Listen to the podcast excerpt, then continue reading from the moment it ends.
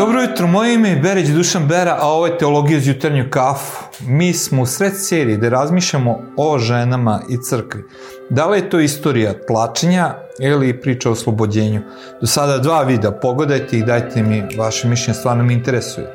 A danas idemo korak dalje, pogledat ćemo odnos apostola Pavla prema ženama. Često kaže da je apostol Pavle bio ženom mrzac, postoji neka priča da nikad nije bio oženjen, ili čak i legende da je bio to neka nesretna ljubav, pod znacima navodnika, i da zato nije voleo žene, i da je najveći krivac za to a, kako je crkva tretirala žene. Vidjet ćemo da li je tako, a takođe razmislit ćemo o nečemu što se zove kulturološka interpolacija, to kako razumeti stihove koje apostol Pavle koristi kada govori o ženama. Pa eto, nastavite se skuli kafu, čaju, šta god već, je krećete ovog iz jutarnju kafu.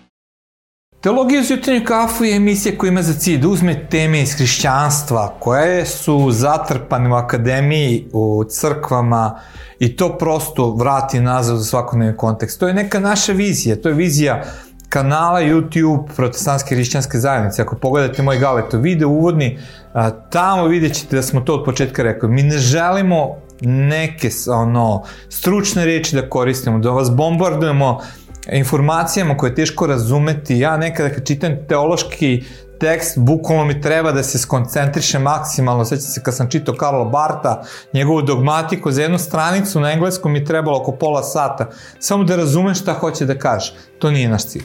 Mi želimo da bude jednostavno i da bude vezano za neki svakodnevni kontekst, svakodnevnu priču.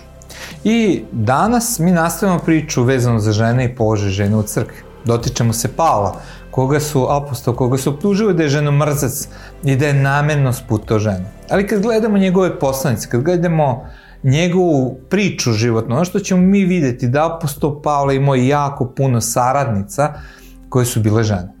Moja omiljena priča vezana je za neki bračni par, a rado to propovedam kada venčavam ljude, jeste priča o Akvili i Priscili, koji se spominju širom dela apostolski kao glavni Pavlovi saradnici i možete potražiti priču o njima, da vam sad ne navodim sve stihove, mislim da četiri u pet puta se spominje a, evanđelista Luka njihova imena i ono što ćete primetiti što je jako, jako interesantno, da svaki put evanđelista bira drugačiji redosled kako da ispomene. Jednom citira prvo Akvila i Priscila, sledeći put kad ispomene reći Priscila i Akvila, namerno menjajući redosled njihovog imena.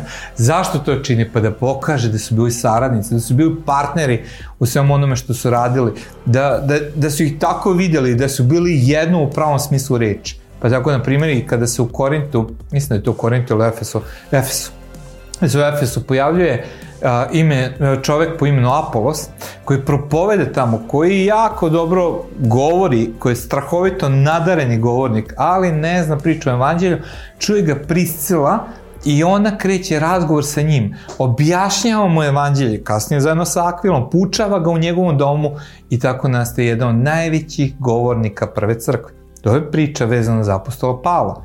Dvoje ljudi koji su proveli sa njim godine zajedno, sa kojima je gradio šator, bili su istog zanimanja, eto, to je u, onako interesantna priča, jer aposto Pavle, kao neko ko je bio treniran u jevrejskoj kulturi, osim što je bio poučen svetom pismu, moraju da ima određeni zanat. I njegov zanat je bio pravljenje šatora, što je takođe bio zanat Akvile Priscile, to je povezivalo da bi Pavle često s njima radio na tom istom poslu, a, pravići šator, pa tako je dobro poznavao. Ali to nije jedina priča u kojoj se spominju žene kao Pavlovi saradnici. Da na primjer, u a, poslanici Rimljanim u 16. poglavlju, kada se govori o crkvi tamo, spominje se Fiba Đekonisa, to jest, a, znači imala je određenu funkciju u crkvi đakona, i u crkvu Cer, Cerni, Cenriki, ja mislim da se tako zove mesto, a, i ona je pomagala delo samog apostola Pavla je bila i odgovorna da se a, cela poruka poslanice Rimljene dostavi u, u crkvi, kako to vidimo. Ali nije samo ona koja se tu spominje, tu se spominje i pa, Marija, Pavlova koleginica koja radi među Rimljanima u stihu 6, 16. poglavlje. Tu je Triofena, Trifoza, Persis, žene koje Pavle naziva saradnicima u Evanđelju u 6. i 12. stihu. Tu je Julija, majka Rufusova, Nerijeva sestra, koje se isto spominju kao istaknuti položaj u crkvi u stihovima 13-15. A najinteresantnije od svega jeste da spominje Junija kao neko koga poštuju i sami apostoli. Kaže neki od a, crkvenih istoričara, nisam sad uspio za ovo predavanje da pronađem koji mislim da Jovan Zlatovosti i spominje čak kao apostola, ali možda ovde grešim u citatu, nemojte me citirati negde, negde drugde. Ali prosto ono što želim da kažem, da Pavle u Rimljanima poslanici izliva spisak žena sa kojima je sarađivao, koji su njegovi saradnici, koji su saradnici u evanđelju. A šta je saradnik u evanđelju? Onaj koji propoveda evanđelje, koji deluje zajedno sa apostolom Pavlom. Pavlove su reči, one koje sam citirao i prošli put iz Galatima poslanici iz trećeg pogleda, da kaže da ima više muškarca ni žene, nego smo jedno u Hristu Isusu. I mi kad gledamo njegove poslanice, mi prosto možemo, vidimo da Pavla žene posmatra kao sestre, kao služiteljice na istom zadatku kao i njegov. Zato je jako zbunjujuće kada pronađemo stihove kao što je u poslanici Korićanima da žene treba da ćute u crkvama, kaže se njima ne dozvoljava da govore, nego treba da budu počinjene. Sramota za ženu je da govori u crkvi. Ili u Timoteju poslanici slično nešto spominje kada se govori, apostol Pavle kaže, a ženama ne dopuštam da poučavaju crkvi. Ali ono što mi je bitno, ajde prvo ovo da kažem, kada Pavle govori te reči, da žene treba da ćuti u crkvi. Ono što želim da kažem, da je to morao da uradi zato što su žene govorile u crkvi. Ajde da to naglasimo. Da se desilo nešto što je bilo toliko netipično, jesu do, u, u rimskom društvu, u, u jevrijskom društvu žene nisu imale pravo da poučavaju muškarce. Nešto se dogodilo u crkvi, na šta Pavle reaguje? Znači, a šta se dogodilo? To da su žene govorile u crkvi. A zašto reaguje? Šta se to dogodilo? E tu ćemo primijeniti nešto što se zove kulturološka interpolacija.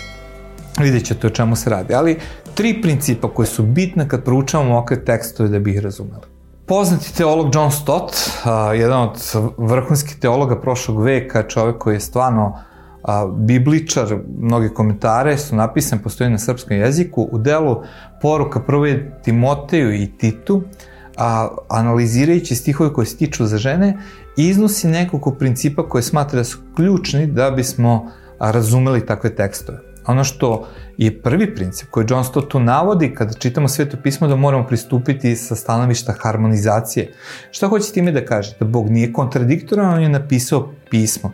Pa tako kad čitamo pismo, mi ga moramo čitati uvek, odeljke pismo u kontekstu ostatka celog svetog pisma. Znači, prvi princip koji je jako značajan, da svaki stih moramo posmatrati samo u kontekstu svih ostalih stihova svetog pisma. E to je jako bitan princip, znači nikada ne tumačimo stih van konteksta svega onoga što drugde govori, nego pokušavamo da harmonizujemo razumevanje određenog stiha u odnosu na ostatak pisma. Drugi princip koji on navodi jeste pismo, princip istorijskog konteksta. To sam govorio u mom prvom predavanju, možete ga pogledati kada sam krenuo cijelu ovu priču teologije vezano za ženama, o, o, za žene. Znači, mi moramo razumeti da je pismo nastalo u određenom istorijskom kontekstu, a to je palestinski judeizam i grčko-rinski svet. Bog nikada ne govori o nekom kulturnom vakumu. On govori ljudima koji mogu da razumeju. I da je Bog govorio ljudima onda, jeli pre pet vekova, sa stanovišta kulture 21. veka, ljudi bi bili šokirani tom porukom, ne bi mogli razumeti. Nisu mogli razumeti ni ondašnju poruku, zato su i razapeli gospoda Isusa Hrista, zato su progonili crku, ali u svakom slučaju ono što je bitno da naglasimo, da uvijek moramo gledati istorijski kontekst. Zašto je nešto napisano? Ajde prosto neko jednostavno objašnjenje koje volim da koristim ovo da objasnim. Kada čujemo reč lisica, koju osobinu ćemo mi uvek prvo pomisliti? I ubeđen da ste vi pomislili da je lisica lukava. Kada Isus kaže Irodu da je lisica, šta je on time mislio? Većina vas će pomisliti da je hteo da kaže Irodu da je Irod lukav. Ali u jevrejskoj kulturi, koja nije čitala Ezopove bajke, lisica je bila podmuklo stvorenje. I zapravo Isus kaže a, Irodu da je podmukao, ne da je lukav, ali to je suština istorijskom kontekstu. Mi moramo razumeti da ondašnje razumevanje se često razlikuje od našega i da istražimo razumevanje ondašnjeg doba.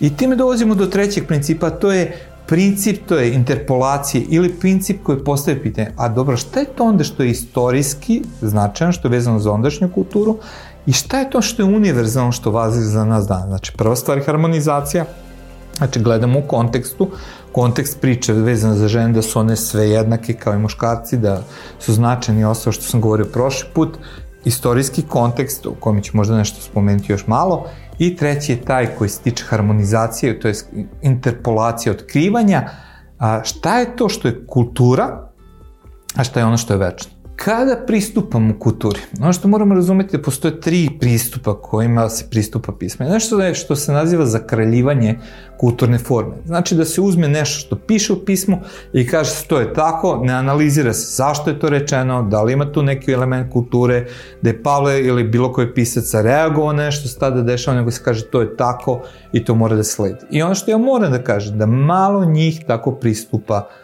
svetom pismu. Iako će reći da tako pristupa, u načelu malo njih tako pristupa, nego tumače pismo u kontekstu kulture u kojoj su odrasli.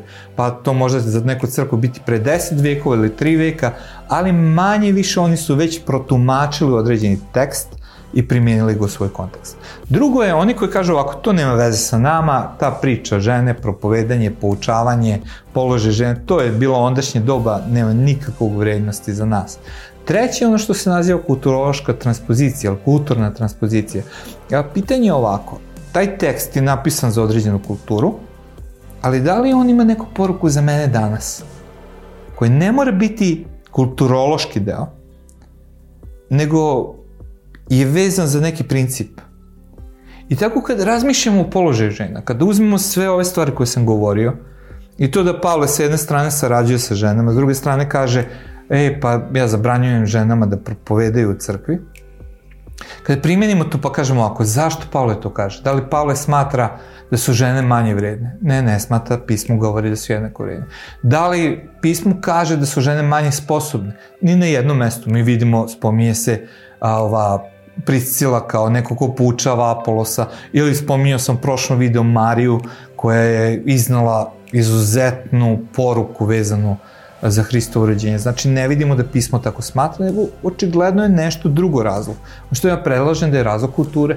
Da u rimskoj kulturi koja je tada vladala, žena koja priča javno, nije bila posmatrana kao nešto hvale vredno, nego javni govor žene je dovodio da se crkva smatra nemoralno, a posebno u dva grada.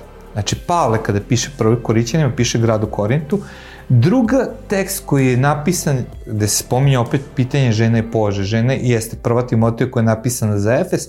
Oba grada su bili bastioni boginje Dijane Efeske ili Artemide ili kako god da je nazovemo i bili gradovi gde su žene bile u veoma specifičnom položaju. Znači, da, da, da je postojao kult žena, što nije bilo dobro, ajde da vam to bude jasno, nije bilo dobro jer su većina tih žena koje su služile Dijani ili Artemidi bile prostitutke, posebno u Korintu, znači nije bilo nešto pozitivno, ali je to uticao na celu crkvu, da je posmatranje žene koje govore javno u toj kulturi je bilo nemoralno. E sad, ono što hoću da govorim, ja neću da govorim da li žene danas treba da propovedaju ili ne, to možete vidjeti ako pogledate naše videa, da li žene kod nas propovedaju ili ne, ima čak i moj video gde govorim na tu temu, ovo je teologija iz jutarnju kafu, gde se bavim tim temama, ali neću da uđem u ovu tematiku, nego govorim o položaju i značaju žena u crkvi. Da li onda Pavlov tekst, kada posmatramo, znači kulturu, da je to bilo posmatrano nemoralno i loše, gde Pavle ograničava neki položaj žena. Da li Pavle hoće da kaže da je to univerzalni princip? Ja duboko verujem da ne. Iz kog razloga? Pa kad gledamo sve ostale tekstove svetog pisma i njegov odnos prema ženama, mi ne vidimo da se Pavle tako odnosi prema sestrama. Znači, radi se o kontekstu kulture, da neke stvari u toj kulturi su bile posmatrane kao nemoralne i Pavle smatra da je to jako loše u tom kontekstu za crkvu. Ali, U našem kontekstu je situacija sasvim drugačija. Kultura se promenila. situacija je sasvim drugačija. Šta je to onda večno? Šta je to ono što moramo da primenimo u nekom kontekstu našeg života? Pa da prihvatimo tu poruku Svetog pisma, da smo i muškarci i žene stvoreni na Božiju sliku, da odrazimo Boga, da treba da budemo odraz Božiji u onome što radimo, da je naša vrednost jednaka pred Bogom i naš značaj jednak pred Bogom. I da Bog, kada govori o različitim ulogama u crkvi, ne gradira ljude, nego je samo daje različite uloge u crkvi. Što ne kaže da sam ja protiv propovedanja, da me neko ne shvati pogrešno, nego govorim prosto da postoji razlika u onome što radimo, ali ne gradiranje na našu vrednost. I to je jako bitno da shvatim. Jer sledeće nedelje ću govoriti na temu Znači, kako je crkva izokrenula ovu priču? Šta se to dogodilo? Malo ćemo to pogledati kroz umetnost. Mislim da je to značajno da se uradi.